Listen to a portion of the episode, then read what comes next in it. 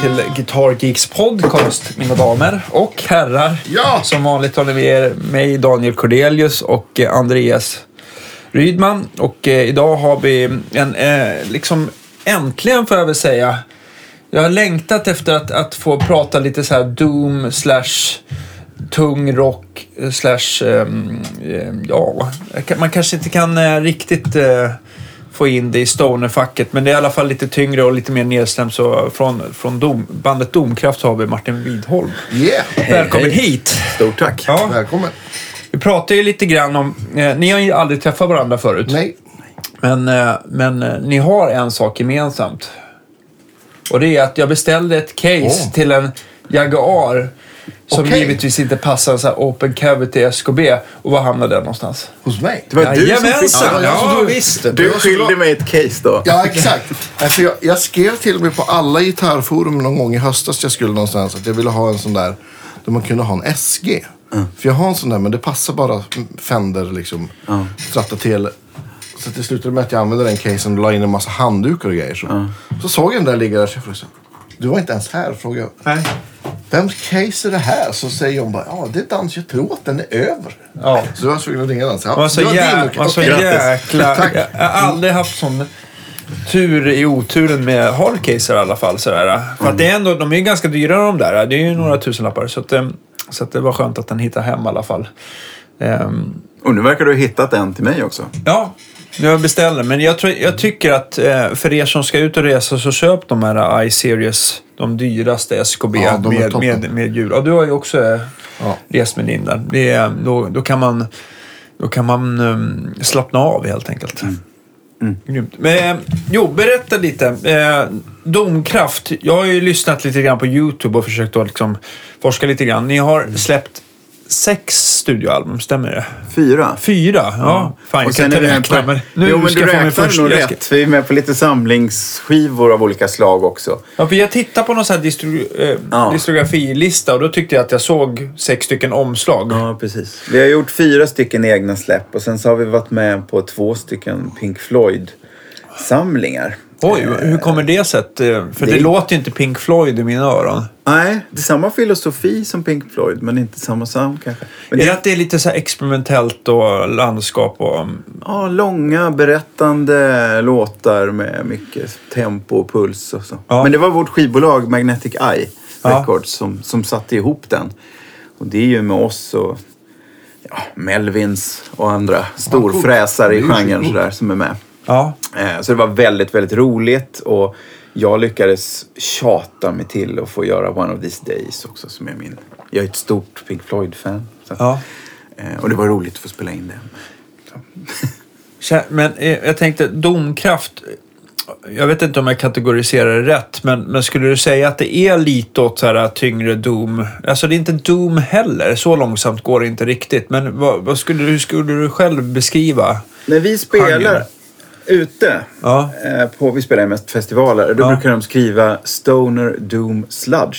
Så de täcker in liksom. Vad är sludge då för en, en som inte kan, kan men- genren? Det, Sludge lå- det, lät, man- det låter skitigt i alla Ja, fall. precis. Det är väl lite skitigare, liksom, eh, den hårda, långsamma metal som inte är helt ökenbaserad om man säger. Okej. Stoner är ju lite enkelt, när Ja. vi vet med Kaios och Ja. allting. Och så får, sen så tänker jag det som skiljer liksom Doom och det ni gör, det är väl att Kaius är ju lite mer att de kör lite mera shuffle, alltså att det är lite... Ja. Så vi har ju mycket, rätt så många ben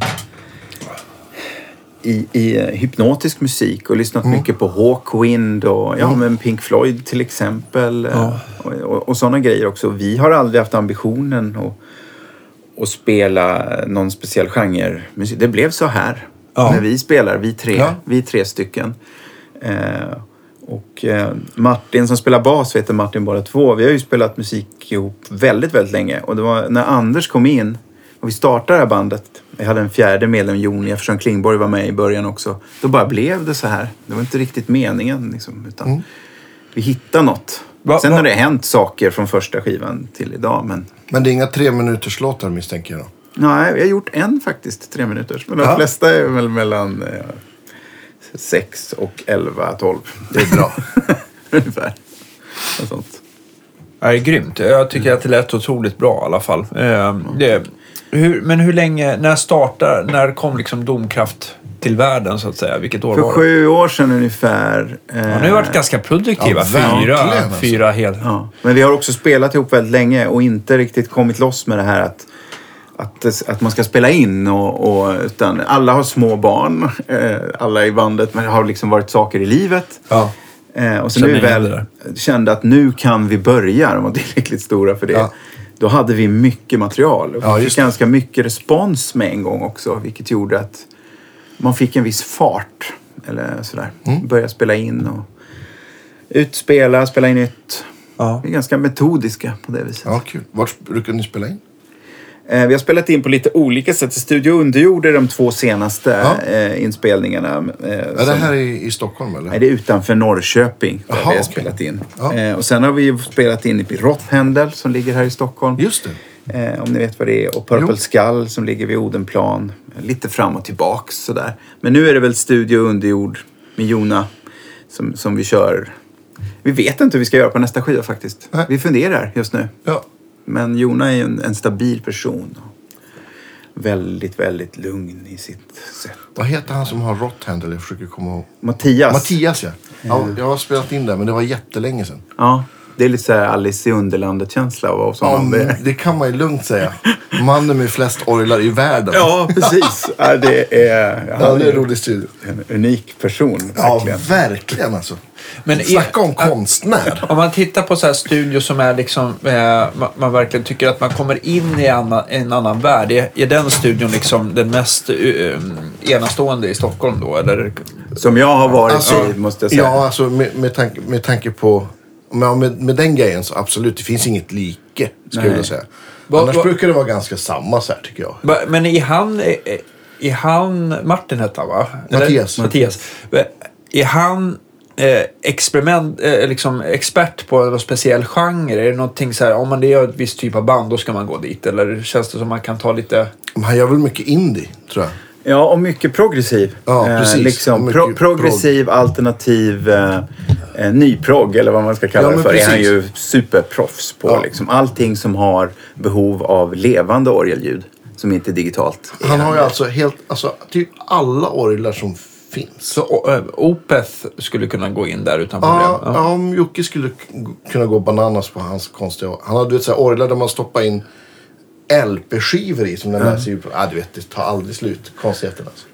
Och så är det mycket gammal rekvisita från filmer. Ja, så. men det är en, precis. väl- när vi släppte första skivan då hade vi ju en, en eh, släppfest där. Ja, ja. Eh, när vi också spelade in och så gjorde vi en video av det. roligt. Eh, så Det att man lär- kan se hur det ser ut. Okej, därifrån. så det är ganska lätt. Vi kanske kan lägga upp någon sån länk på, på, Ja, ja, på Facebook. absolut alltså.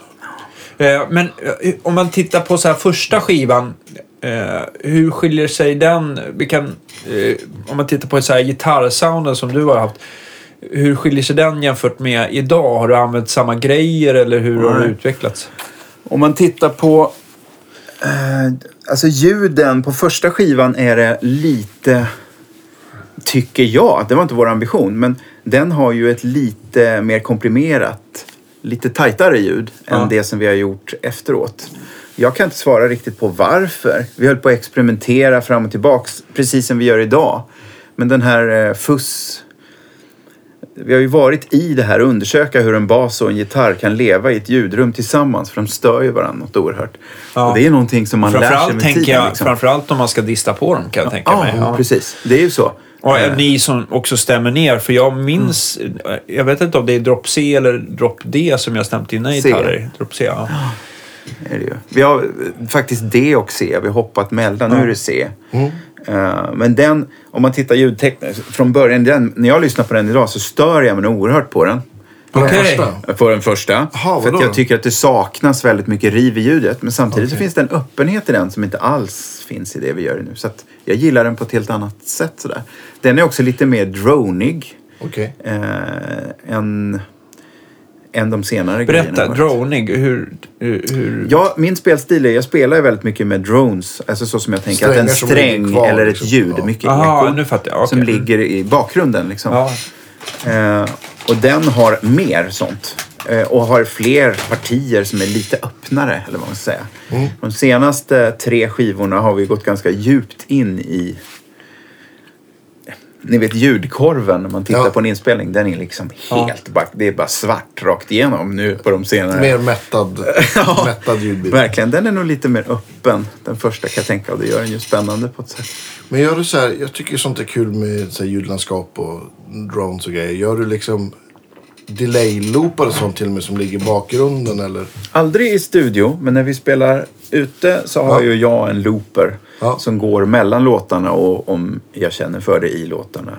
Just det. Eh, beroende på om det är rätt. Ja, men så här, när det funkar liksom. Och vissa låtpartier har vi en loop. Åtminstone i början och mitten ibland sådär som går igång. Men som är förinspelade då? ja, du som, kan- jag gör Ja, i repan. Eller så Ja, gör jag coolt. dem medans vi spelar. Det kan vara lite olika. Ja, coolt. Vil- Vilken modell använder du? Eh, vad heter Boston här? C3 heter den va? Det. Okej, men det går att spara lite loopar och lätt att hoppa emellan dem, eller? Spara hundra stycken tror jag. Ja. Eh, om man, ja, men det är lätt att hoppa emellan. Kanske inte i en låt. Då Nej. får man köpa någon footswitch till. Men det gör aldrig jag. Jag har alltid en liksom, Ja. per gig. Vi sätter en setlist och så vet vi hur vi stämmer. Om vi stämmer om någonstans och så. Men För, för, att inte den- ris- ja. för att inte riskera något mellansnack, utan man bara, man bara limmar ihop Ja, låtarna. precis så är det. Och, och det är också att vi stämmer om ibland. Och då måste Aha. det... Det är så tråkigt när det blir tyst. Liksom. Ja. Det, det gav ganska mycket till oss. Man slappnar av när det finns där. Mm. Och den går också i C. Så att om det händer något då kan jag spela till den ett tag. Och, ja, men, Men jag, tänker, men jag tänker om man har en stämapparat utan mute-funktion, då är det ju inte tyst mellan låtarna. nej, det, Ja, jag men måste ha mute. sist. måste stänga av allt. Ja. så är det ju. Nej, men skämt åsido. Men okej, ja. Nej, men det är Men har du... Har, den går ut till, till samma förstärkare då, loop-pedalen också? Lite beror helt på vad det är för ställe vi spelar på. Ja. Är det ett bättre ställe så ber jag om en DI-kanal som den går till för det är ju Mm. Just bättre. Ja. Men om det inte är så så går den rakt in i min stärkare liksom. Mm. Och så blandas allting där. Så då kan jag ju inte ha den så mycket tillsammans med det jag spelar. Nej. För det låter inget bra. Ja, då köttar det ihop sig. Men då måste du ha den... Vad har du den då i kedjan? Har du den placerad ganska långt? Om, om, de, om jag märker att ljudteknikern kan fixa en, en egen DI-kanal till mig, då plockar jag ut den så det ligger Aha, okej. utanför. Liksom. Just det. Annars så lägger jag den strax före eh, delayen. Ja, just det. För att få lite extra Ja, om jag vill liksom. bygga upp det så. Ja. Om man, om man stämmer liksom C eller D, vad kör du för strängtjocklek då? Jag kör ju New York XL, de här, vad är det? Den 1156 som har är jag beställt till dig, och sen den som 1156 är. Ja, jag precis. gillar ju inte när det är för tjockt. Jag Mm. tycker om när det darrar liksom. Just det. Jag vill inte att det ska sitta för det, hårt. va? eller var det 1152? Var det inte de gröna? De gröna, Ja, ja. men då är det 1156. Ja, de tycker jag är superbra. Eh, och sen så har ju de en som är till för att stämma i C, men jag tycker det blir lite tight liksom. Jag gillar när det fladdrar. Jag tycker att det, det låter kul med. Så att jag Ja, brukar det, köra precis, på det dem. blir ett annat sound. Ja. Ja, och sen så tänker jag, eh, senast jag eh, fick som en gitarr, det är den här Jagaren då som, som, eh, som vi trodde Ja, att vi hade det. hittat rätt case till, fast det, det inte var så. Men där är det ju kortskaligt också, där kan det ju vara extra känsligt med att Ja, det liksom darrar. Va? Ja. Kommer inte jag ihåg, jag har för mig att den är ju kortare än en, en Gibson, den är på 24 Ja, det är tum blankt. Va? Okej. Så att det, det krävs lite, lite styvare stänglar där. Men eh, jag tyckte att det blev jätte, jättebra. Och jag vill minnas att, att jag... Det är väl inte första gitarren som vi har... Nu var det här en minivarianten från Demarcio, men det är inte första gitarren vi har satt i... Eller haft... eh, Du har haft um, Super Distortion i, va? Nej, Det har jag i alla mina gitarrer. Det har vi satt i en SG, eh, en standard och så har du satt den i en Guild S65D Ja, den var jäkligt snygg också. Och sen i en eh, L6 också. Gibson L6 satte du en i också som jag har haft ut en del. Jag tycker, alltså grejen är att man, alltså det är en mix som har funnits nästan för evigt. Känns det som. Men eh, kanske de kom någonstans mitten av 70-talet. Men jag tycker ju, jag tycker ju att någonstans här, man förstår varför den har överlevt alla, alla, ja, jag vet inte, eh, under så lång tid. För att det är en jäkligt bra mikrofon och den, den, den, den är ju sjukt stark och mycket output. Men den har ju någon klarhet någonstans. Många har så här distmickar kan jag tycka att de liksom bara... Det är bara mellanregister och låter näsa så fort det blir lite cleanare sound. Men den här låter ju faktiskt, den har ju liksom lite, lite topp. Ungefär som jag upplever eh, eh, Lundgrens, vad heter den? M6 va? Just det. Ja, som också är en fantastisk mick. Jag tycker även det finns väl en till sån här uh, spin-off på, på, um, på Super Distortion som heter Super, kan den heta Super 2? Som jag tror att har lite mindre tråd, men den är också fantastisk. Jag bra. vet, det har inte jag provat. Så. Nej. Ja, cool. Lundgrens The One har jag haft i någon också. Ja, det kommer jag inte är ihåg. liksom lite lättare, men det är samma sound men inte lika mycket output. Nej, precis. det som, som också Ja. är bra. Liksom. Ja. Men det jag gillar med Super Distortion är ju det, dels som du säger att den inte fnasar sönder med diskant eh, utan den är ganska stabil i sin ton Ja. trots att den har så mycket output. Men den är också, funkar ju att rulla ner volym väldigt bra med. Och Ja. Jag gör ju det mycket eftersom jag spelar med fusspedaler hela tiden. Okej, okej. Så stryper jag ju volymen för att dra ner eh, formen eller formatet Mm. Just på, på soundet lite. Och det tycker jag blir väldigt bra med just Super Distortion. Ja. Eftersom den inte tappar sin botten. För många mickar blir ju så i kombination med fuss att man tappar botten när man rullar ner volymen. Men just Super Distortion gör inte det, tycker jag. Åtminstone, jag vet inte om det... Bra. Om man mäter upp det kanske inte stämmer alls. Men det är... Nej, men jag, jag, jag tror inte att det är så himla mycket. Jag, tror, jag, jag, jag tycker väl egentligen så här, bara man hittar någonting som precis som funkar. Som man, Ja. liksom, man ska inte kanske analysera sönder det då. Men eh, jag tänker på vilka fussar är det som... eh, som eh, Precis, var det just det jag skulle säga. Nu är alla sjukt nyfikna. Men jag tänker också så här, så, något som har varit populärt inom så här stoner och liksom den genren har väl varit eh, Big Muff-varianter till Ja. höger och vänster. Är det det som gäller för dig också eller? Tusen olika utföranden är det ju det. Eh, och, och visst, det spelar man ju med. Man, den klassiska Big Muffen har, har man ju såklart den.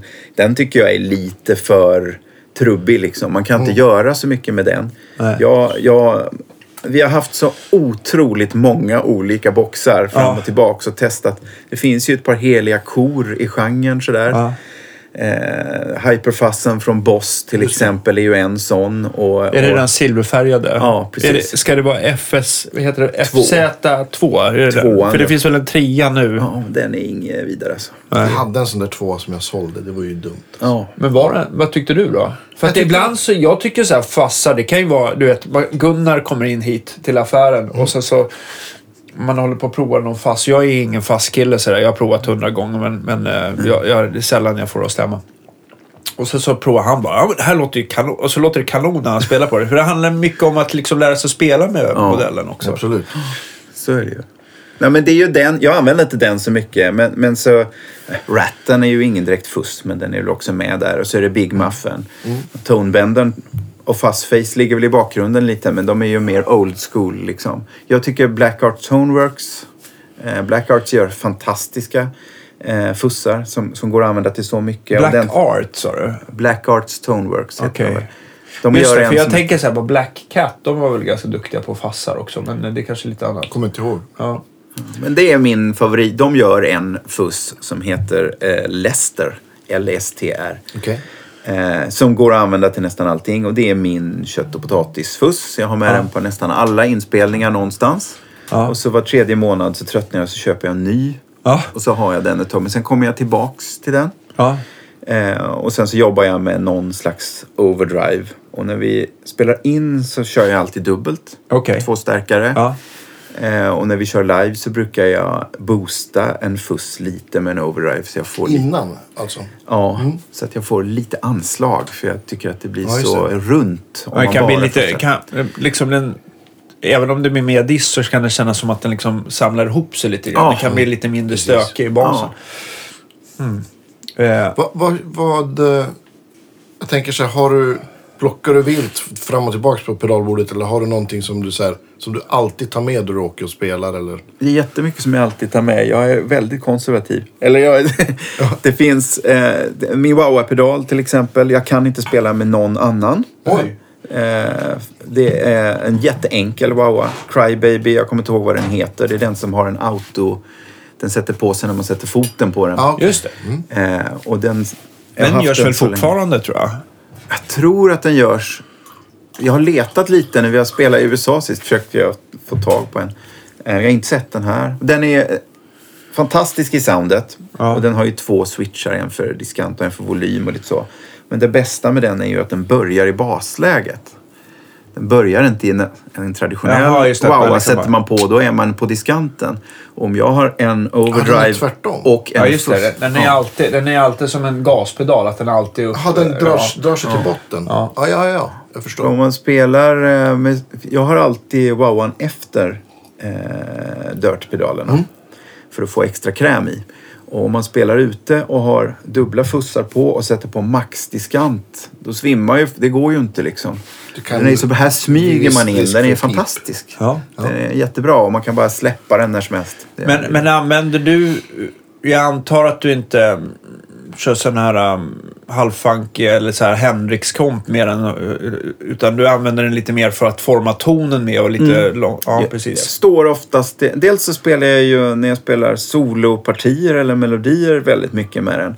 Ja. Eh, Men jag rör mig mycket långsammare än Ja. det som du beskriver. Eh, Mer för att liksom sätta ett diskantläge lite grann. Och när man är ute och spelar så kan man ju styra feedbacken så man får en, en trevlig rundgång. Det. Eh, när man böjer toner och sådär. Ja. Eh, Så det är mest det jag använder den till och sen rent kaos. Också. Ljudkaos. Vad använder du till rent kaos, Andreas? Rent på de här. ABBA-turnéerna till exempel? Ja, då är det inte så mycket kaos. Men, eh, men annars om jag vill ha kaos så brukar jag... Ja, men fuss, wow och så sen... Eh, ja, men oscillation på delay är ju alltid bra. Ja. Jag gillar ju... Timeline har jag. Om man håller in knapparna så blir det ju oscillation. Då blir det kaos. Första gången jag hörde oscillation på delay eh, högt live, det var väl Malmsten. Okej. Inte- Han gör ju alltid det någon gång när han ska alltid liksom köra oscillation och sen så har han sina Marshalls på fullt och så, så är det så jävla starkt så att man liksom, det liksom det, di, hela huvudet distar i princip. Ja. Och så. Det är skönt. Ja. Det är härligt. Ja, nej, men det är kaos. Vad, vad är det mer som måste följa med på... på... Jag, jag vill bara tänka, när du beskrev det här med fassen, att, att du liksom alltid hittar tillbaka till den här. Är det, är det inte lite så att man köper en ny fass och provar kanske på elvan eller ja, var man nu hittar den någonstans och bara fan det här låter kanon liksom. Man provar hemma själv eller i replokalen själv. Låter det funka skitbra. Man tycker att man liksom så här att det, det är någonting som känns lite annorlunda när man spelar med bandet. Men det är först när man ställer sig på scen med en pedal. Det är då liksom så här shit det här funkar eller funkar inte. Och så, så, tar man, så går man tillbaka till sin gamla favorit som, som känns... Som man litar på. Som Ja. man vet liksom, att den kommer funka. Ja. Eh, sen har jag alltid backups med mig. Liksom. Jag har en... Sivex har gjort en, en jätteliten fuss som heter Fussolo. Just det. Så här stor. Ja. Eh, som jag ofta använder i studion eh, om jag dubbar, vilket jag inte gör så mycket. Men för den är bra komprimerad och tajt. Ja. Eh, Den har jag alltid insmugen som en liten reserv sådär om någonting skulle bråka med mig. Liksom. Så jag har alltid någon mer med mig. Ja. Men ytterst sällan så använder jag faktiskt något annat än just lästern och en orange pedal eller något sånt där. Vilken orange då? Tänker. jag? Är det någon nytillverkad eller något gammalt? Ja, Jag använder den här som heter Bax Bang Eater. Vet ni vilken det är? Det är som en liten nej, aning. förstärkarmodell. Okej. Eh, det är lite som en Tiny Terror-stärkare i pedalform kan man Just säga. det. Kanske så här fem, sex år gammal. Ja, något sånt. Görs Ja. den fortfarande tro? Nej, det tror jag Nej. inte. Allt, det, allt bra slutar de tillverka va? Mm, precis. Nej, Den det är är bra om man flyger ut och spelar och inte spelar på sin egen förstärkare. Eh, Just det. Så jag använder bara clean-kanal. Ja, ja, så det är, som en, det är som en liten förstärkare Ja, liksom? Ja. Det är det. Så det blir ju som att min fuss går in i en topp som jag är min egen liksom. Ja, Fast den exakt. står på bordet. Ja. Så jag kan styra väldigt enkelt hur jag vill Ja. att det ska låta. Det Men om vi tar från, från gitarr. Nu vill jag veta signalväg här. Gitarrkabel eller trådlöst? Kabel misstänker jag. Kabel. Ja. Men det är väl också så här trådlöst och fassare, men Nej, inte precis, alltid det är ju- en hö- höjdare va? Nej. Nej. Aldrig en höjdare ska Jag har jag aldrig säga. provat trådlöst faktiskt. Det är inte min... Jag är, är så gammeldags liksom. Ja. Alltså om man, då måste man ha någon box som gör om impedansen liksom, så, att det, så att det funkar. Men det, Jag tycker, för er som undrar lite över trådlös, eh, lyssna på det första Pontus Norgren-avsnittet när Yngve hade sönder sitt Ja, eh, trådlösa och fick köra kabel, vad Pontus tyckte om det. Ja. Gå tillbaka till det. Ja, vi fortsätt. gitarr, kabel. Hela linan. Vi tar Ja. gitarrkabel och sen går den eh, rakt in i en overdrive eller en fuss. så har jag mina dirtboxar först. Liksom. Ja. Eh, där kommer de. Sen Ja. går de rakt Då måste du säga vad det är för någonting också. Allt som oftast i alla fall. Just nu är det Ja. eh, Blackart Stoneworks Leicester som går Ja. rakt in i eh, Orange backspang. Ja. Eh, Eller en Dodd Bone Shaker om jag har ont om plats. Mm. Den går att använda på samma sätt för den har också eh, bas treble mid på ped- pedalen. Det Okej. tycker jag är viktigt. Så man får Ja, kan shapea Jaha, liksom. okej. Men är Leicestern också så att den är så har Nej, bra det är den inte. nej. Eh, tyvärr. Men den har en EQ-funktion som är väldigt bra. Två stycken interaktiva. Så den kan man göra bra grejer med. Ja, okej. Och där är ju liksom hela Dirt-delen klar och sen så går det rakt in i wowan. Mm. Eh, och från wowan så går det till, ska se så jag säger rätt, till en phaser. Eh, och sen går det till ett delay. Och sen går det, nej, fast nu säger jag fel. Eh, phaser looper delay. Va? Vilken phaser? Phaser. det är en gammal, det är den här Badstone heter den väl? Heter den så? Inte Smallstone. Smallstone heter den kanske. Den är så sliten, man ser inte ens vad står på längre. En gammal En 70-tals... Electro- Ja, då, då, då är det okej att du säger fel tycker jag. Ja. Mm, absolut. Ja, men den har jag haft jättelänge och den är... Jag har, den har jag också försökt byta ut några gånger. Mm. Eh, men det är den jag vill ha. Ja, men de, de, där, de har ju liksom, det blev lite tävling så att de gjorde ju, det, djupet på deras face är ju mycket djupare än till exempel en, en MXR. Ja, den har jag provat. Ja. Den orangea va? Ja, precis. Ja, för den är också bra på sina sätt. Men den har inte den där punchen. Nej, det blir, en, det blir en annan grej. Det är näst, ja. Man har inte en sån här gammal Smallstone. Nu vet jag inte, det kanske är samma med gamla MXR. Men just när man provar någon sån här Reissue så tycker man det är Nej, inte så snygg, det är inte så snyggt svep i den. Den, Nej, liksom så- låter lite, så- den har lite så här ful kantig kur... Vad heter den? Ja. Jag har Ja. provat jättemånga olika men jag hittar ingen Kurva. annan. Eh, så jag vill bara ha den här. Och så phaser och så sen delay sa du? Ja. Vilken- Nej, Looper var det först va? Lo- Ja, loopen emellan. Ja, just jag rättade mig själv. Ja. Och så sist är delayet.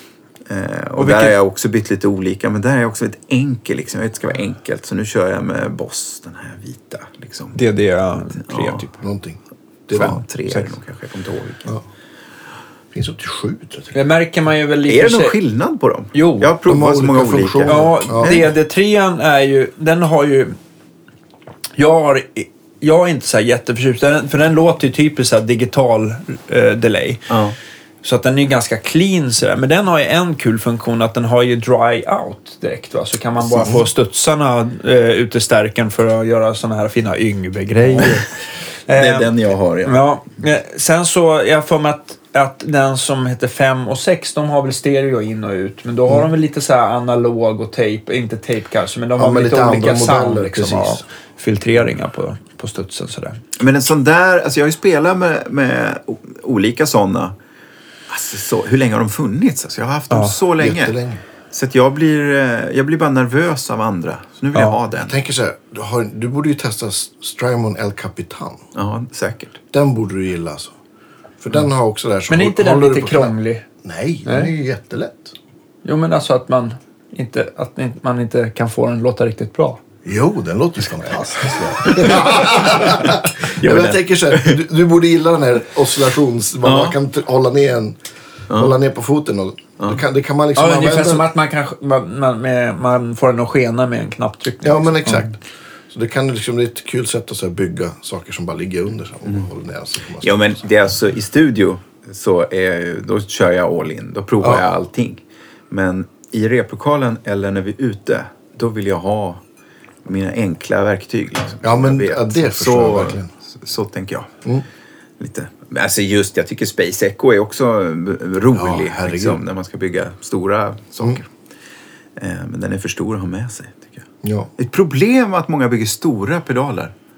Ja. Alltså den här orange-pedalen är ju förfärligt Men jag pratar med några så här, eh, några gitarrister också. Att, och, och det sätter sig alltså det, det, det blir någonting fel om pedalerna blir för små också. Att man Ja. liksom, man kan inte ta dem riktigt seriöst.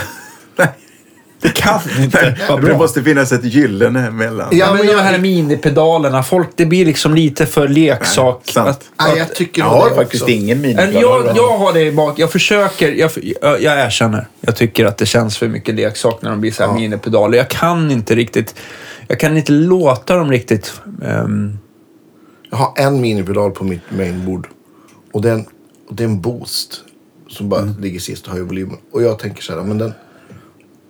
Den, gör, den, den, ska bara göra, den ska bara höja volymen Men- så men den vilka- får vara små. men Det är är- inte är- riktigt en pedal. Men, Nej, precis, den men är inte riktigt en pedal, Det är exakt. Stone Grey va? Eh, ja, One Control. Ja, exakt. Ja. Den är ju faktiskt väldigt bra. Eh, Men eh, små pedaler som bara har en, en ett vred tycker jag är okej. Det är en sån. Civex Fusselo, två vred. Det är Ja. med max. Den är ju liten. Men det saknar funkar. man Det inte finns ju massa tågkontroll på bra den? små eller? pedaler, men- Jo, det men gör jag man. vet. Men det, det är är- därför det är- man, det är det är- därför det är ju bara Nu en kan inte ni se det genom sak. micken, men vi rodnar ju alla samtidigt som jag känner här. Ja. Eh, Men det är... Men... eh, Men eh, ja, vi har ju pratat om det förut, men man kanske kan reboxa dem till stora. Mm, precis. Åh. Men åt andra sidan så blir jag också så här, om man får så här Pete Cornish-pedaler som är liksom verkligen stora, då blir man ju irriterad fast åt andra hållet. Ja, ja, ja, men precis. Eller Skrydstrup, det är ju samma size. Ja, men de är Samma, ja, same, same, liksom. Ja, same, same. Men s- sån buffer är ju fantastisk, men den, den är ju ungefär... Den, I volym så motsvarar den ju typ 7-8 minipedaler. Men jag har faktiskt en minipedal. Och det är den här som jag tyckte var fantastisk. Det är ja, stämmer. Ja, men den där har jag också. One Controls nya tuner. Eh, varför gillar jag den? För denna BJF-buffer. Precis, och det är faktiskt den mest musikaliska buffern jag har provat hittills. Jag har provat alla möjliga från MXR och eh, man har byggt en del pedalbord åt folk. Och den här tycker jag faktiskt att den, den, eh, den, ehm, s- eh, den låter otroligt bra. Och så får du en bra stämma på det. Alltså om man gillar de här korg pitch black. Precis. Det är väl inte, den är inte som en turbotuner när man ska intonera men, men live funkar det alldeles utmärkt. Ja. Eh, 895 tror jag. Så att, eh, det är bra. Ja, det är bra. Eh, Dagens pedaltips. Ja, ja men, men små stämapparater, de, de låter ju inte heller. Om det, om det ska låta så vill Jo, man kanske den- att det ska vara större. De, det det det? krymper ju signalen lite grann. det måste de göra, tänker är på jag. djup, vi kommer få ha, ha, hatbrev här. Och, Folk förstår att jag skojar. Ja. Eller? Det finns massa bra små pedaler. Men det känns lite bättre med en större pedal. ja, vi lämnar ämnet. Ja, ja. Vi bara seglar iväg. Men du pratar, du pratar om... Eh, eh, I studio så är det eh, två stärkare. Eh, alltid. Vad, vad brukar du ha? Ja, eh, jag är ju en enkelhetsfascist liksom. Jag vill att det ska vara så enkelt som möjligt. När vi repar så spelar jag ju på Orange TH100. Det är deras absolut enklaste stärkare. Som har eh, på clean-sidan volym. Är den enklare än den här till och med? Custom Shop 50. Jag ska se. Ja, det är väl som den ungefär. Alltså den, den har ju bara tre vred. Det är ju bara diskant, diskant basvolym. Ja, då är den enklare än den här. För Ja. den här har en tre. Jag har en sån Custom Shop 50 handwired. Som, Men gain va? Ja, det är väl gain, bas, mellanregister, diskant. Sen borde det vara presence och någon mastervolym på den. TH100 har ju en, en, en drive-sida också, men den använder jag aldrig. Jag Nej. använder bara clean sound hela tiden. Ah, okej. Jag vill ha headroom så att det inte stör. Och sen så kör jag från bordet allting. Liksom. Ja. Eh, Det är så jag spelar. Eh, Och sen när vi spelar in, eh, för jag tycker inte om att göra pålägg. Eh, Mest för att jag spelar på det vis som jag gör. Jag spelar väldigt mycket med wowa och delay samtidigt till exempel. Det blir svårt att dubba. Så det brukar jag göra så att jag splittar upp så att jag har eh, orange-stärkaren med alla pedaler som jag sa nu fast utan fussen. Eh, Så att jag kör drive och wow wow och allting sånt där. Och sen så splittar jag signalen. Eh, och de senaste skivorna har jag använt en gammal Sovtech-rigg. Ah, Eh. de har man, jag kan inte komma ihåg att jag... Sålde inte Lutman de där stärkarna typ på, på 90-talet någonstans?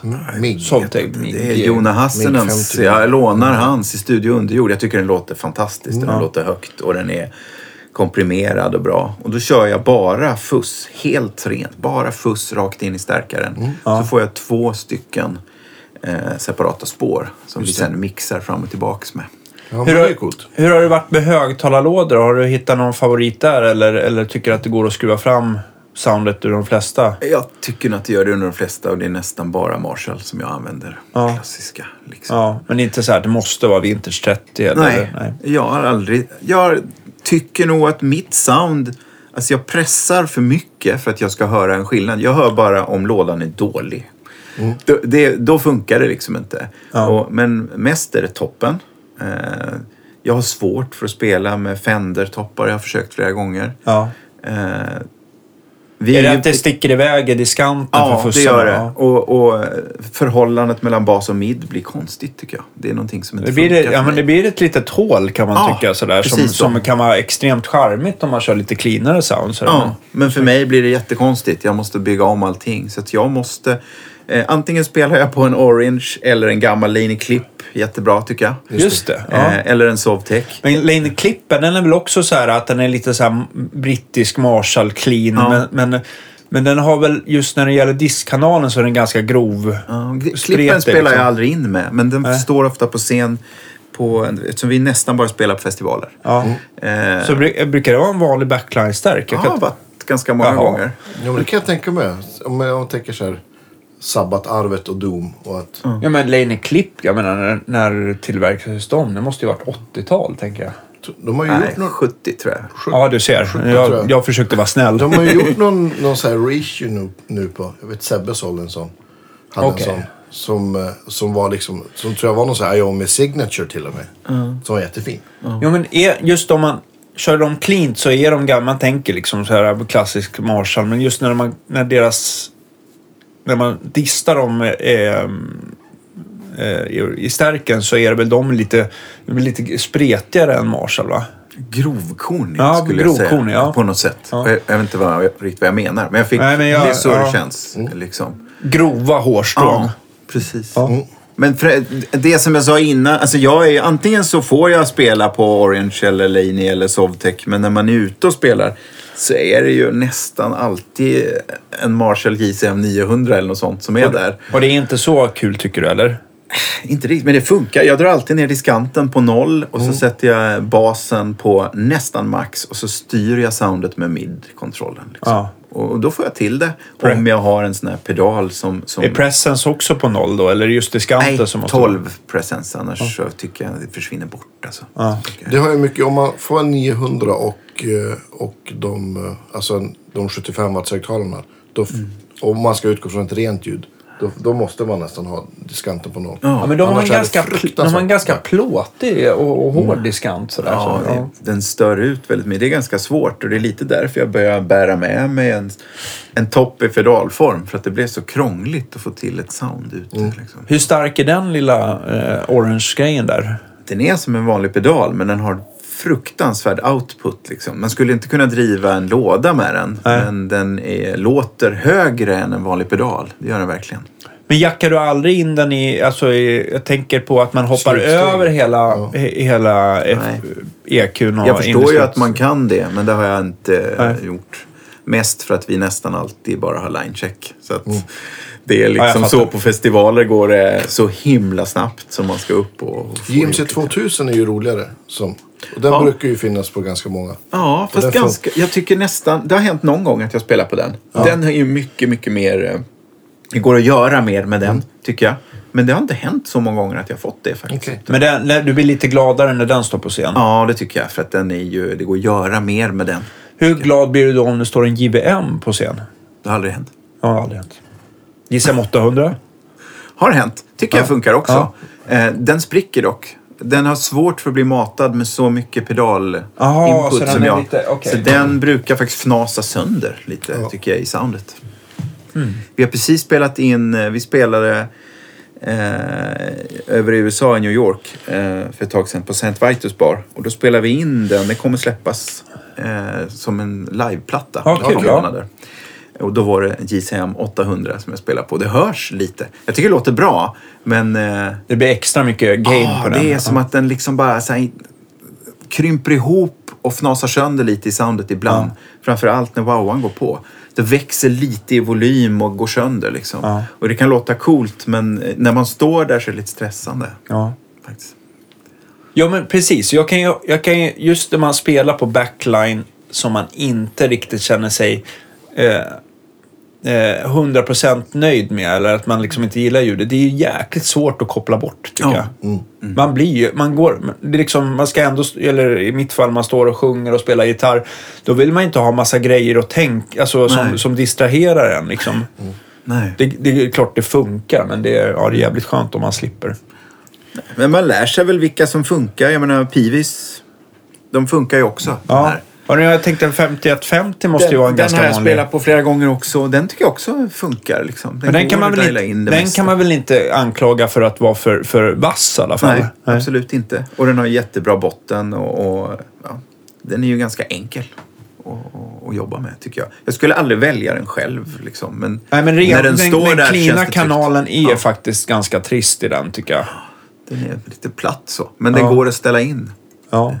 Hur, hur ehm, ja vi kan ju gå hela varvet runt där. Mesa, händer det att det blir... Jag har aldrig sett. Och jag har aldrig själv, jag har ju provat massa gånger men jag har aldrig fastnat för mesar. Nej. Jag vet inte varför. Jag har fått för mig att det låter muddigt taste. men jag vet inte varför. Det är... Men jag tror att det är lite så här amerikanska tänket när det gäller, när det gäller clean-kanaler. Att de liksom bygger den lite kring samma, alltså samma eh, som på diskkanalen, bara att de ändrar nivåer för att det ska låta cleant. Och, Ja. och då blir det jävligt instängt. Och jag, det är så lite jag upplever Mesa. Eh, om, ni vill göra, om ni vill lyssna på det så kan ni gå tillbaka till vårt förstärka topptest. Ja, det var kul. Så hör man det ganska klart och tydligt Verkligen. också. Ja. Både från Rectifyern Men, men kör, jag tänker, 5150. basisten i, i bandet, kör han också effekter och grejer då eller? Precis lika mycket som mig. Ja. Vi gör ju det tillsammans. Ja, Kanske exakt samma pedalbord. Nej, inte riktigt, inte riktigt samma märke, men samma saker. Liksom. Okej, Kanske ja. inte delay riktigt, men det, är, det är jättemycket. Det är fuss och det är wowa eh, och, och overdrive i olika kombinationer. Och vi sätter ju ljuden tillsammans. Väldigt ofta är det svårt att avgöra vem som spelar vad i vår ljudbild. Så är det ju. Stämmer han ner också? Eller är han normalstämd? Nej, det stämmer det. Vi stämmer i C båda två. Eh, det gör vi. Just nu i alla fall. Eh, och det...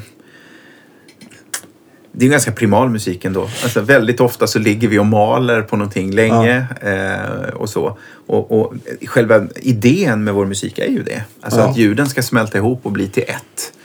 Ibland är det ju så mycket pushad diskant så att cymbalerna flyter in i, tycker jag, när man lyssnar på. Alltså det är Okej. väldigt så här kompakt eh, ofta. Och sen fightas vi fram och tillbaka om vad som ska låta vad och när och så. Men vi har ju hittat ett sätt som är roligt liksom. Och båda två använder wowa för att skära ut en del av ljudbilden i olika partier. Men jag tänker, nu tycker jag väl för sig inte att det finns så mycket likheter genremässigt. Men jag tycker också så här som Dusty Hill i ZZ Top gör. Han har ju också ett ganska skitigt basljud och det är, det är jävligt snyggt när, på trio att det är en distad bas som liksom fyller ut när gitarr, kompgitarren försvinner liksom. Ja, verkligen. Så är det ju. Grejen med, med distad bas är också att om det är lite grann sådär så, så hörs det inte. Vill man att det ska låta distad bas då ska det verkligen vara tokdistat. Ja. ja. För det som eh, annars, annars märks inte alls.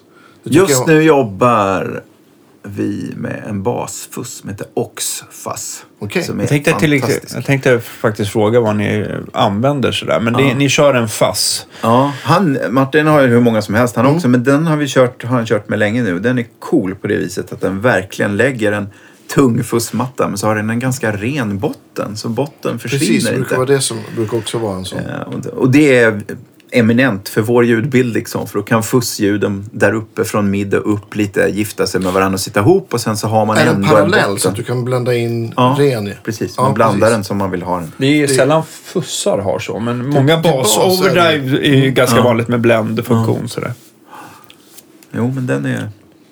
Hur, hur, har ni provat? En favorit annars tycker jag har ju varit den som Björn gjorde, den här Blueberry Bass Overdrive. Den kanske i och för sig inte är så extrem, men den låter ju jävligt coolt. Det Alltså. kommer en ny. Nu släpptes Ja, ja. en ny nu på NAM. En fyrrattad va? Jajamän. Nej, den har vi inte provat. På bas, vad är det? Green Rhino tror jag den heter, va? Heter den inte så? Jo, Way men det Huge. måste vara Way Huge, ja precis. Just det. Eh, har vi använt. Men Green Rhino, inte det en Tube Screamer? Jo. Det är det. Fast den kanske har blend. Det tror jag inte den har. Nej. Dock. Uh, Way Huge är rätt cool. Det är ju stora pedaler. Fast de önskar man att de vore lite mindre. Faktiskt. Precis. Ja. Ja. Aldrig får man vara nöjd. Nej, precis. Ja. Nej, men jag tror att jag gillar den här vanliga MXR-storleken. Ja, men det är en bra Ja, size. det är en bra size. Men, Men... Ja, du sa, han kör, jag är nyfiken fortfarande på, på basistens bra, men han kör, han kör aldrig några, någon efterklang, någon reverb delay eller något sånt liksom. Inte live Nej. nej. hittills. Eh, om man lyssnar på det här kanske han omedelbart går och köper den i och för sig. Det vet jag inte. Men, Ja. nej. men det har vi inte gjort. Eh, utan det är ju eh, olika Dirt-pedaler och wow Mm. som har legat där. Och någon kompressor ibland. Jag tror inte vi använder den så ofta. Men den har Nej. stått där lite grann på bordet. Så, den, men den är ganska basic. Och vi är lite basic också. Alltså våra, vi, det handlar väldigt mycket om på våra t-shirts vi sålde för ett tag sedan så stod det Riff Hook Repeat Until Numb. det är väldigt mycket vår grej liksom. Ja. Man spelar ett riff och så har man en hook och så bara kör man det om och om igen. Ja. Och så växer det fram grejer medan man gör det. Men är det, är det så ni komponerar också? Att någon har ett riff och så jammar ni på det och Ja. så kanske det tar vägen någonstans? Jag eller Bas-Martin kommer på någonting hemma. Ja. Väldigt ofta spelar vi in hemma och skickar till varandra. Ja, just Så det. lyssnar vi innan. Och sen så testar man. Och, och så bara står vi och maler det. Eh, och ofta spelar vi in i lokalen också. Så går man hem och lyssnar. Får det vila lite. Plockar man upp igen. Eh, vi har spelat ihop så himla länge. Det händer jätteofta att vi kommer med varsin idé som vi kan sätta ihop. Okej. Till exempel. Det händer ganska ofta. Ja, roligt. Eh, och, ja, men på det viset är det. Vi meckar fram och tillbaks. Bygger pussel med olika idéer. Väldigt ofta är det så att vi går in i studion utan att riktigt veta. Vi vet inte hur långt det ska vara och vi vet inte vilka delar alltid. Fan vad bra.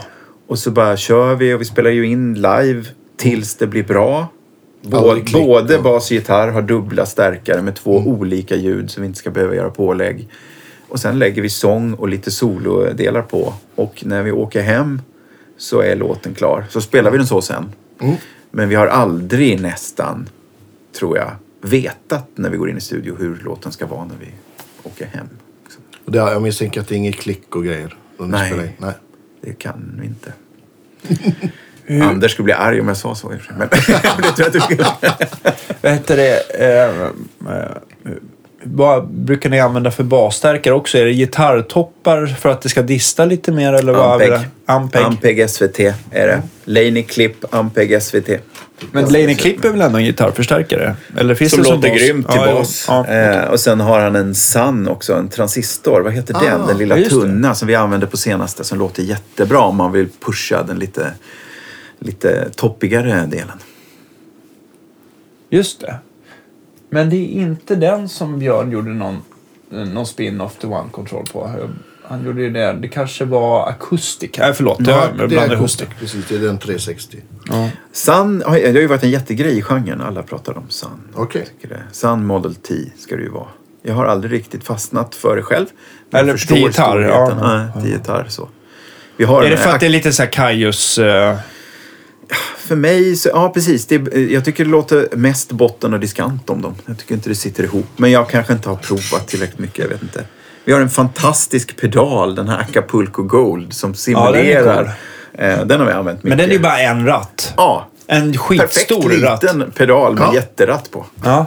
Ja, och den är fantastisk. ja, men den är inte för... Det är inte en sån här minipedalsstorlek. Nej, utan det är- finns en viss värdighet, Ja. jag håller med. Den är, men den är... Ja, men det är stor. Den är, ju- den är ju större. Den ratten är ju som en... eh, Ja, vad ska man säga? Den är ju... större än en normal ratt, Den va? är- känns som en st- större... Den är ju större än en, en golfboll i alla fall. Jaha. Jag vet inte vad det är för pedal ens. Jo, men den är skitcool. Det är väl de här Earthquaker Earthquaker, ja, ja, det är sån, just det. Och den distar ganska mycket. Om man tycker att den distar lite, då, då har man ju... ehm, då har man behov av mycket dist. Den simulerar väl en Sun Model T där allt står på max, det Ja. tänkt. Det är väl Okej. så. så. Ja. Eh, och stryper man ner volymen på gitarren lite så får man faktiskt väldigt fint ljud ur den. Okej. ja. Exakt den spelar jag faktiskt på, på den här liveplattan som jag nämnde nyss. Aha, coolt. Men du, så ni spelar mest festivaler. Är det då festivaler som med sån liksom Doom-inriktning eller är det vanliga rockfestivaler? Eller? Nästan alltid dominriktning. Alltså Ja. det är de här Desert Fest, Sonic Whip. Ja. Eh, mycket Tyskland Ja. spelar vi. där Tyskland, det som Belgien, styr- Holland. Ja, det är ju de okej. länderna som är störst liksom. Och så har vi spelat ja, men Norge, Finland, Danmark och, och sådär också. Men är det inte riktigt gångbart i södra Europa, typ Italien, Spanien, Portugal sådär? Eller? Jag tror det finns en scen, men den är lite för liten för festivaler kanske. Jag vet att det finns ställen att spela på. Vi har försökt boka. Vi gjorde lite spelningar i Schweiz för ett tag sedan. Ja. Det blir på småställen då Ja. liksom. Eh, Men det är ju det klassiska blocket med Tyskland, Belgien, Frankrike och så som är eh, det stora. Holland, jättestort också. Ja. Massa festivaler. Och fantastiska venues. Ja, jag tycker Alltså- Belgien, de är ju duktiga på att styra upp. Ja, eh, Holland också. Det är så proffsigt liksom. Holland, Belgien tycker jag är... Man blir imponerad. Det är så här som Folkets hus-känsla i Sverige var förr. Det är så här inrätt för livemusik. Däremot så tycker jag att det kan skilja lite grann på publiken i Belgien och Holland. Man kan ju tycka att de reser mellan länderna, men det är... Nej, det gör de väl inte? Gör de inte det? jo, det gör de kanske. Jag att tycker att det är belgarna li- är mer fransmän på något vis. Nej, men det är lite... Lite gladare stämning generellt kanske. Eller så är det bara jag I som... Holland? Ja, nej, i Belgien. I Belgien, okej. Ja. Lite starkare öl. Ja, det är ju det. tänker Ja, så. Det är ju det. vet du. Ja, det är det det är definitivt. grymt i alla fall. Men tyskarna är också bra. Men du, du pratar om att du slår på din looppedal ibland och du eh, men stämmer om. Vad, vad gör ni då? Är det droppar ni någonting då eller är det... Det är om vi hoppar fram och tillbaks. Eh, ibland så stämmer jag om en sträng bara. Ja. Så att den ska ligga rätt i en ton. Om jag vill ligga och, och, och göra någon figur så Ja, eh, lyfter jag en sträng uppåt eller neråt. Det kan vara lite olika. Ja. Det tar lite tid att få det där rätt. Liksom. Utifrån tonart på låten då? Eller? Ja, precis. Eh, utifrån vad låten går för harmonier. Mm. Eh, och det är ett par låtar som jag gör så i. Bara för att göra det liksom snabbare. Och, Och du och- kanske föredrar att ha en gitarr som, inte, som, som har fast stall då, eller? Ja, Mm. absolut. Vilken, vilken gitarr är det som du alltid eh, kuskar runt på? Det, där jag får ju ofta kritik för att jag byter gitarr och spelar ute med saker jag inte har testat. Men, men det är min Gibson SG-standard som jag, Ja. om jag ska åka någonstans och det känns lite viktigt så är det den jag tar för att den kan jag i princip reparera själv om det händer något. Man har gjort så mycket med den. Och Har den är- varit av i huvudet? Nej, det har den inte. Nej. Men den har ju trillat ner för trappor och grejat och jag vet inte om du har Otroligt. lagat den någon gång. Den klarar allt. Liksom. Superenkel att intonera om det är. Ja, men den, så den är kört mycket med Just det. Nu blir det nog Jaguaren ett tag. Ja. Ja, kul. Sen Men den blev jävligt cool alltså. Tycker ja, den jättebra. låter också väldigt bra. Jag tror att det, det kommer bli. Vad gjorde ni med den? Alltså, vi gjorde, jag gjorde väl egentligen bara en allround... Uh, alltså, alltså att man liksom polerar upp bandstavarna och ser till att de är fräscha så att det inte... Det är jättevanligt att folk kommer in med gitarrer och så har du fått... det- Alltså det blir ju alltid små märken av strängarna men ibland så har det ju blivit sådana märken som är, som är liksom... Man, man känner ett tydligt jack när du ska göra ett vibrato eller bända. Och, och eh, folk, det kan bli rätt stor skillnad om att man får polera bort det där och kröna av. Ja, man krönar om lite grann sådär så att det blir... Så att det blir... Nu känns gitarrerna som nya eller bättre tycker jag. Vem var det? Det var ju bara häromdagen någon som, som jag såg lägga någonting under strängarna sådär. Ja, Vid frakt. jo. Var det eh, vi som pratade om det? Nej. Ja, vi pratade om det. Vi har ju pratat om att om man vill vara riktigt budget att man kan ta en sån här baguettepåse. Så var det, och sätta- just det. Men, men, eh, Varför andra- gör man det? Nej, men för att just när det är i frakt så brukar ju få, om flygbolagen är lite taskiga mot den och sträng, alltså gitarren ruskas om ordentligt, då blir det ju märken på banden. Ja, är Så då är det lite transportskydd sådär. Ehm, annars så finns det väl att köpa sådana här det ser ut som eh, en, en genomskinlig plastskena som man sätter mellan band och strängar. Just det. Och sen så är det som en liten gummi bara för att de inte ska glida av då under frakten. Eh, på, längst ner vid, vid eh, ena änden. Det funkar jättebra. Jag, jag tipsar faktiskt om, om vad heter det, Slickbag, att han borde göra en sån där och sälja löst. Just det. Det är smart. Ja. För även om det liksom, man kan göra en bra avans på den och kan man ju säkert ta någon eh, hundring för dem eller någonting sånt där. tror jag. Många bäckar små. Precis. Vad ska man kalla en sån grej? Fret saver.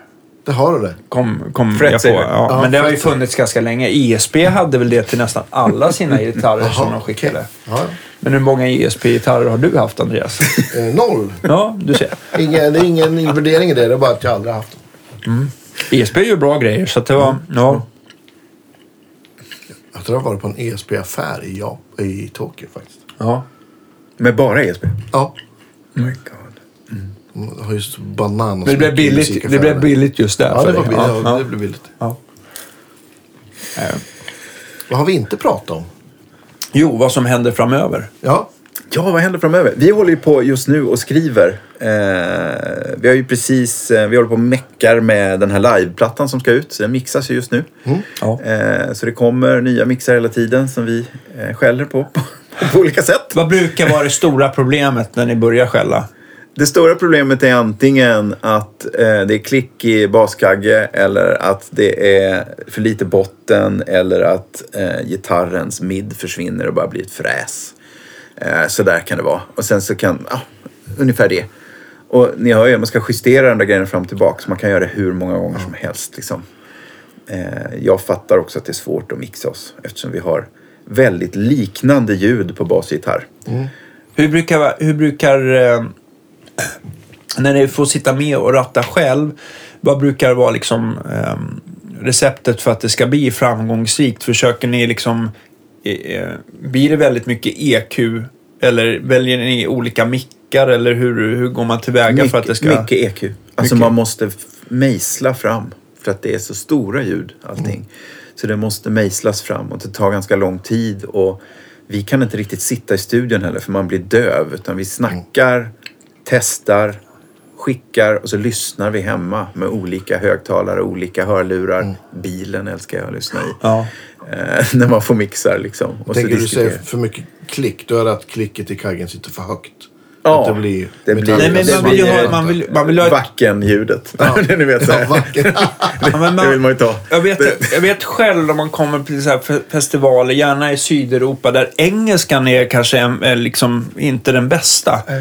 Och sen så, så går man ut och lyssnar på hur de har rattat fram ljudet och så, så är trummorna svinhöga och så en jätteklick i baskagge. Och man liksom kan inte liksom kommunicera och man börjar nästan gråta över att det låter så... Alltså det, jag förstår ju att de med sina Metallica t-shirts... Bass will sound click, not bass drum. Ja, ja, men, Klick, klick, no klick. Men du tycker att det är en språkgrej alltså? I Ja, sådana fall men- pratar de ju då, alltså Globen. Jag tänker det är många ställen där det Men- klickas baskagge väldigt mycket. Ja. Alltså, eller hur? ja, men det, Det är som en är... sjukdom. Jag förstår Ja, det, det. det är bara, det är bara skruv, man får liksom ta ner det där. Man, man kan ju lägga träffen, man kan ju ha ett klick så att det blir en träff i kaggen fast man lägger det mycket längre ner bara. Då blir det direkt mycket mer vintage. Men jag känner så här, vintage baskagge för min del, eh, ja, den ska ju nästan liksom bara vara så här att den ska vara i basregistret och hjälpa kontrabasens. För att oftast i rock'n'roll så är det mycket så här att, att baskaggen går four on the floor på varje fjärdedel. Och basen också. Basen kanske spelar ut lite mer, men om man bara förenklar det. Och då vill man ju att de liksom ska hjälpa varandra så att eh, kontrabasen blir liksom, får lite mer fäste och att, att, eh, att den bara ligger där och liksom um, får liksom Trumsetet ska ju ligga under en blöt filt, brukar vi ju säga. Så ska Okej. det låta. Ja. det, ska Det liksom ska jag säga till den här spanska ljudteknikern nästa gång. Men har ni något så här, om jag tänker så här mixreferenser, har ni något så här som ni brukar säga till de som mixar så här, ja men det här gillar vi, så här ska det Du menar ett annat band? Ja, exakt. Inte som vi funkar. Vi kan ju ha referenser kring gitarrljud Ja, och basljud eller och trumljud. Ja, men trumljud. Ja, men det är det jag menar. jag vet inget band som har samma ljudbild som oss. Nej, men jag tänker så här, men vi gillar trumljudet så här, typ. Ja, men det finns ju jätte... Greenleaf, svenska Greenleaf till exempel. Fantastiskt trumljud. Okej. Tycker jag. Det har vi lyssnat mycket på och pratat om. Det tycker vi låter jätte, jättebra. Är de skivaktuella nu, som jag som inte har koll, eller är det ett gammalt? Ja, det är ett gammalt. De har släppt massor med band. Är En, en, eh, en stabil svensk eh, Stoner Room exportvara. Ja. Jätteduktiga. Noll koll känner jag. Men, ja. Eh, jo, men eh, så, det kring trummorna va? och basen finns det ju en uppsjö av olika, jag menar, om, High On Fire, eh, jag vet inte om Martin skulle hålla med om det i och för sig, men allting från Sleep till, ja men ni vet, det finns så många Doom-band sådär. Jag brukar inte prata så mycket Doom när jag eh, snackar gitarrljud egentligen. Liksom. Jag tycker ju eh, Neil Youngs liveskivor.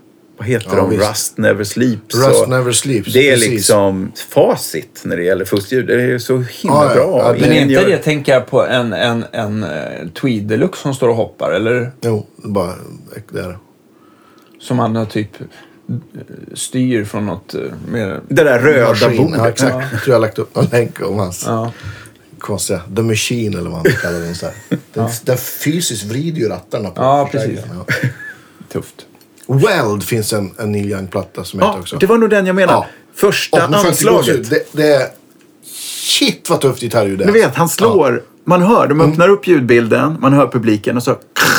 Ja. Och så spelar de Farmer John eller vad den heter, den här Ja. låten. Det är, Ja, det är- är fantastiskt det är stort eh, ljud. trasigt ljud. Det är Alltså. härligt att du får gåshud. Jag jag ser en massa hundhår på din Ja, tröja. men kolla på jag Nej, jag ser det. Okej, ja, nu ser jag.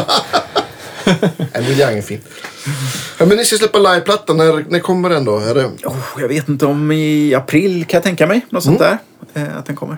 Jag tänkte på klick i baskagge. Det finns ju faktiskt, jag kommer ihåg när man spelar så här rhythm and blues, då, då finns det ju en, en, en, ehm, en filtklubba till baskaggepedalen som heter Vintage Bomber. Och den är ju som en, den är liksom inte stor som en handboll, men den är, den är riktigt fluffig. Om, om, om teknikerna kan ratta fram ett klickigt sound med den, då. Ja. Ja, så det är kanske är det som är Kanske egentligen, det är den man ska ta med sig hela tiden. Ja, Ja, ja. ja jag ska göra det. Men den mest absurda klickarkaggen det är ju faktiskt Metallicas senaste platta. Där har de liksom lagt upp så att klicket ligger liksom så här uppe på om ett så här 10-12 K. Det är bara, jag vet inte om det, om det är liksom Ulrich Ego som vill att hans kagge ska höra sin iPhone eller vad det är. Det låter helt sjukt. Det låter så jävla dåligt. Jag blir helt vansinnig. Suicidal sagt det. kommunikation. Ja. Det låter Ja. inte bra tycker jag. Metallica är ett jättebra band men, men trum, kickljudet på den senaste plattan det är, det är någonting out of this world. Ja. Ja, jag, eh, jag tycker Det finns ju att... ingen bastrumma som låter sådär om du spelar på den. Det är, ju- jag vet inte hur du skulle Men det måste ju vara väldigt många människor som gillar det där. Annars skulle det inte finnas.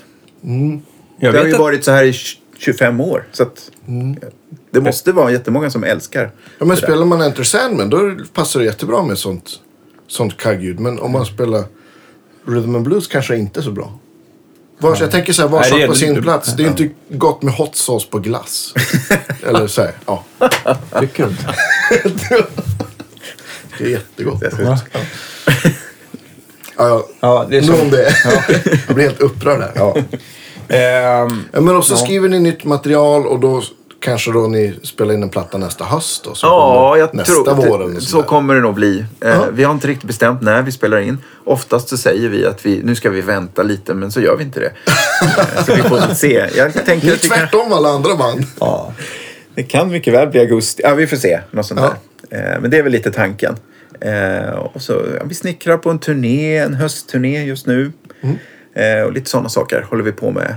Vi har mixat klart eh, den här live-prylen som Mm. kommer. Eh, Kul. Ja. Planet of Doom kommer snart. En film, eller en kommer, det är nog ganska långt kvar, men vi har varit med och gjort filmmusik. Ah. Till en film som heter Planet of Doom, som är animerad.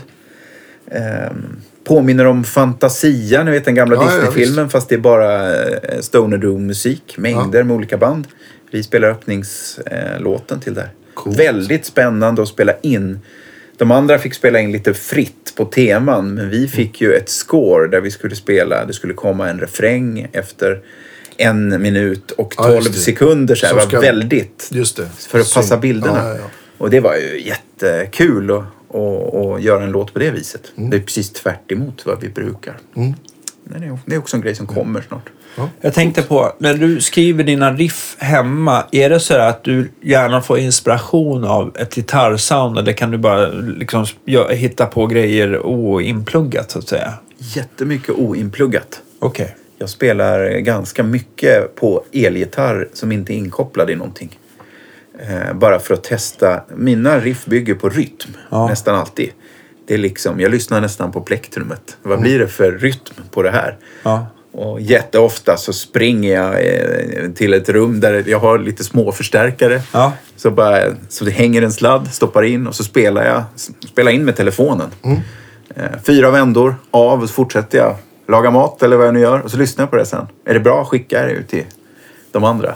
Och så säger de ju då bra eller dåligt. Så testar man väl nästa gång. Så väldigt ofta eh, blir det en låt av ett riff som jag har lagt ner 60 sekunder på hemma. Så. Men det blir lite så här... Och, och, lite, och lite mat som bränns vid. Ja. Ofta är det väl så att man har spelat på det där kanske i en vecka och så plötsligt hittar man, ja men precis den takten skulle det vara. Det är ju så här, vi loopar saker så det ska gå. Och då måste man spela in det. Det är inte så otroligt många gånger att jag har tänkt, fan det här kommer bli riktigt bra. Och så efter 20 minuter så har jag glömt. Jag försöker göra det så blir det något annat. Ja, exakt. Ni vet Det är ju. en klassiker. Det är ju så här det blir. Man kanske skulle utveckla en förstärkare kombinerat med köksfläkt som skulle vara...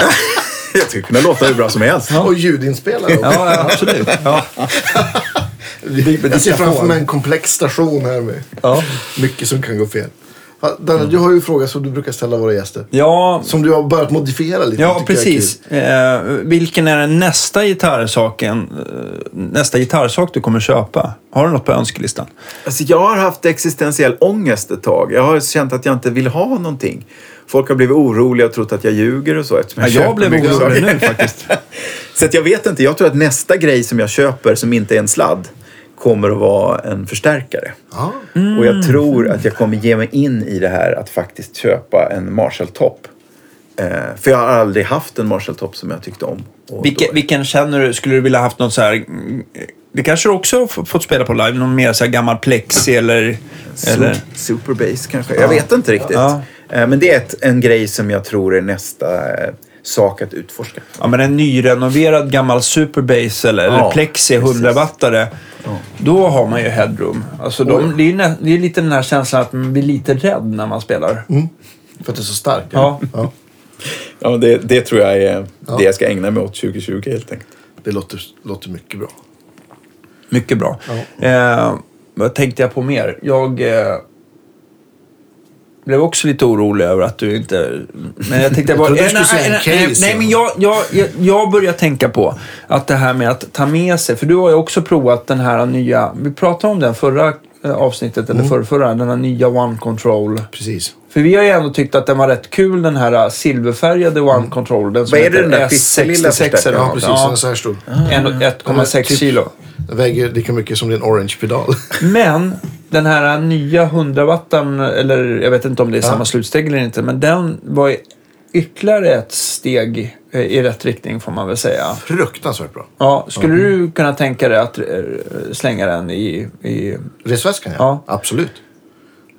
Det tror jag till och med att jag kommer göra. Jag tror att jag till och med kommer göra det också. För jag tror att jag skulle ehm, kunna ratta fram på Clean-kanalen. Diskkanalen är ju lite mer så här hot-roddad, bra gammal Marshall. Men, men eh, jag tror att på Clean-kanalen så skulle jag kunna köra ehm, den har ett jättebra inbyggt eh, delay som eh, jag skulle säga motsvarar Deep Blue Delay moddat eller, eller bättre. Och eh, ja, och den har headroom så att det räcker för mig i alla fall. Vi har kompisar i ett band som heter Slomatics. De har alltid med sig en, vad heter de, quilter va? Ja, just det. Gör Just det. De har jag spelat på live lite grann. Ja, de har med dem som backups. Om det som finns inte är bra så har de med sig dem. Och de låter ju okej, liksom, Ja, tycker jag. men det som jag har tyckt med dem, att de har varit så otroligt midstarka. Alltså att det är liksom, de låter, de låter... Och sen så blir det sån otrolig, det blir sån otrolig... att, eh, Plektrumattack, ja, Ja, det är ju ja. något i det där transistoraktiga. Ja, men som- den här låter inte så. För jag har Är ändå spelat, jag har ju turnerat med Quilter. Eh, och den, eh, nej. Det, det låter nästan bra tycker jag. Men jag förstår att man hellre vill ha det. Jag kan tänka mig, ibland så får man en sån här trött gammal Twin som inte har bytt rör från den var ny. Och som, som gör att, att man får 0% hjälp oavsett vad man ställer, man ställer in den. Och då, då kan ju det där vara till en fördel. Men den här som du Ja. nämner nu är Ja, jag tycker att det, det var... Det var riktigt, riktigt bra. Ja, då fick jag ändå, du vet så här... Ibland kan man ju prova en sak i sig själv och sen så egentligen så säger det inte så mycket förrän du AB-testar mot, snabbt mot något annat som du vet hur det känns eller låter. Men det fick man ju chans att göra hemma hos Björn. Björn har liksom en, en sjö av bra förstärkare som du liksom säger, ja men jämför med det här liksom. Man bara inser att fan jag kan ratta in exakt samma sound så att det liksom inte, nu provar man kanske inte på repvolym men, eh, och det är kanske där det kommer brista, jag vet inte men, men det kändes ju otroligt bra. Alltså. Coolt. Ja. Mycket bra. Så den, eh, Den står snart här inne tror jag. ja. Det tror får vi se när man får den. Sebbe kommer väl säkert sälja ut första batchen och så vidare och så vidare. Men ja, jag ska prata med honom. Det löser sig. Ja. Stort tack för idag. Ja. Så kul att ha det Det var här. jättekul att komma hit. Ja, Ja, men och sen så, vi kan ju faktiskt fråga våra gamla fråga. För Ja, det, här är absolut. fakt, det här är ju faktiskt inte helt självklart. Men jo, det kanske är äsken. Men är det den sista gitarrsaken du säljer? Nej, absolut inte. Nej, du ser.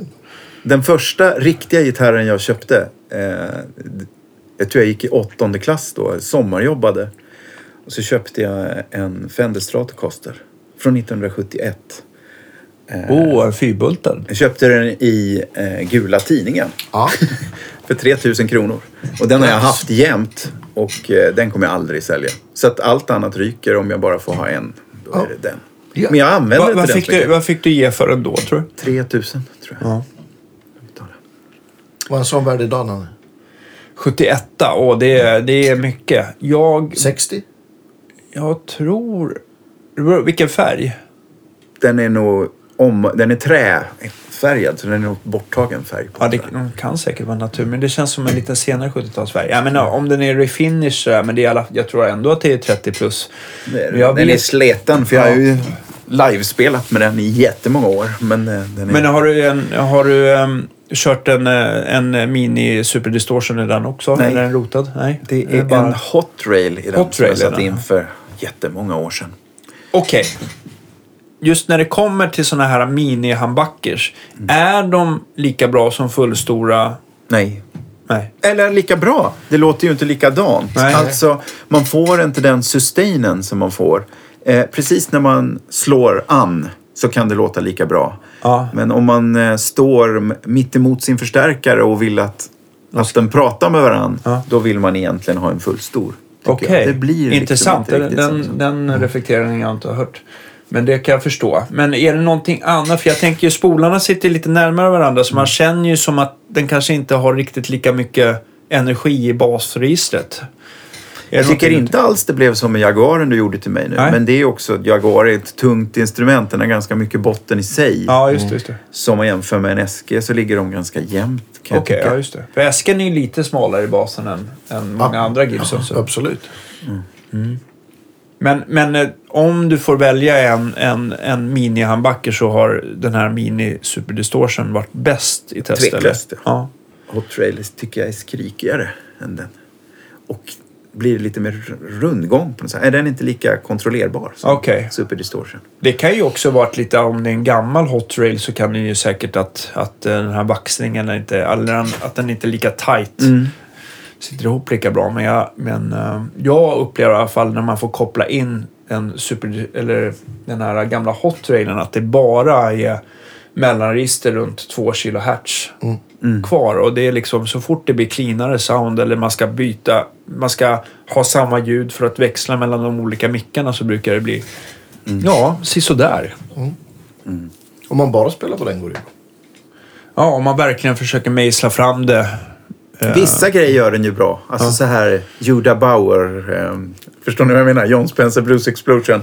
Det är den väldigt bra på tycker jag. Okej. Rakt in i eh, en liten förstärkare på max. Då är ju Hot Rail grymt tycker jag. Men det, den är du, du planerar inte att byta på slattan i alla fall efter alla? Den får sitta Nej, kvar? den ska se ut så som den alltid har gjort. Okej. ja, Ja. Då tackar vi för oss helt Ja, enkelt. fina Tack för idag. Vi hörs nästa Ja. vecka. Ja, det gör vi. Ha det så bra. Hej då. Hej då.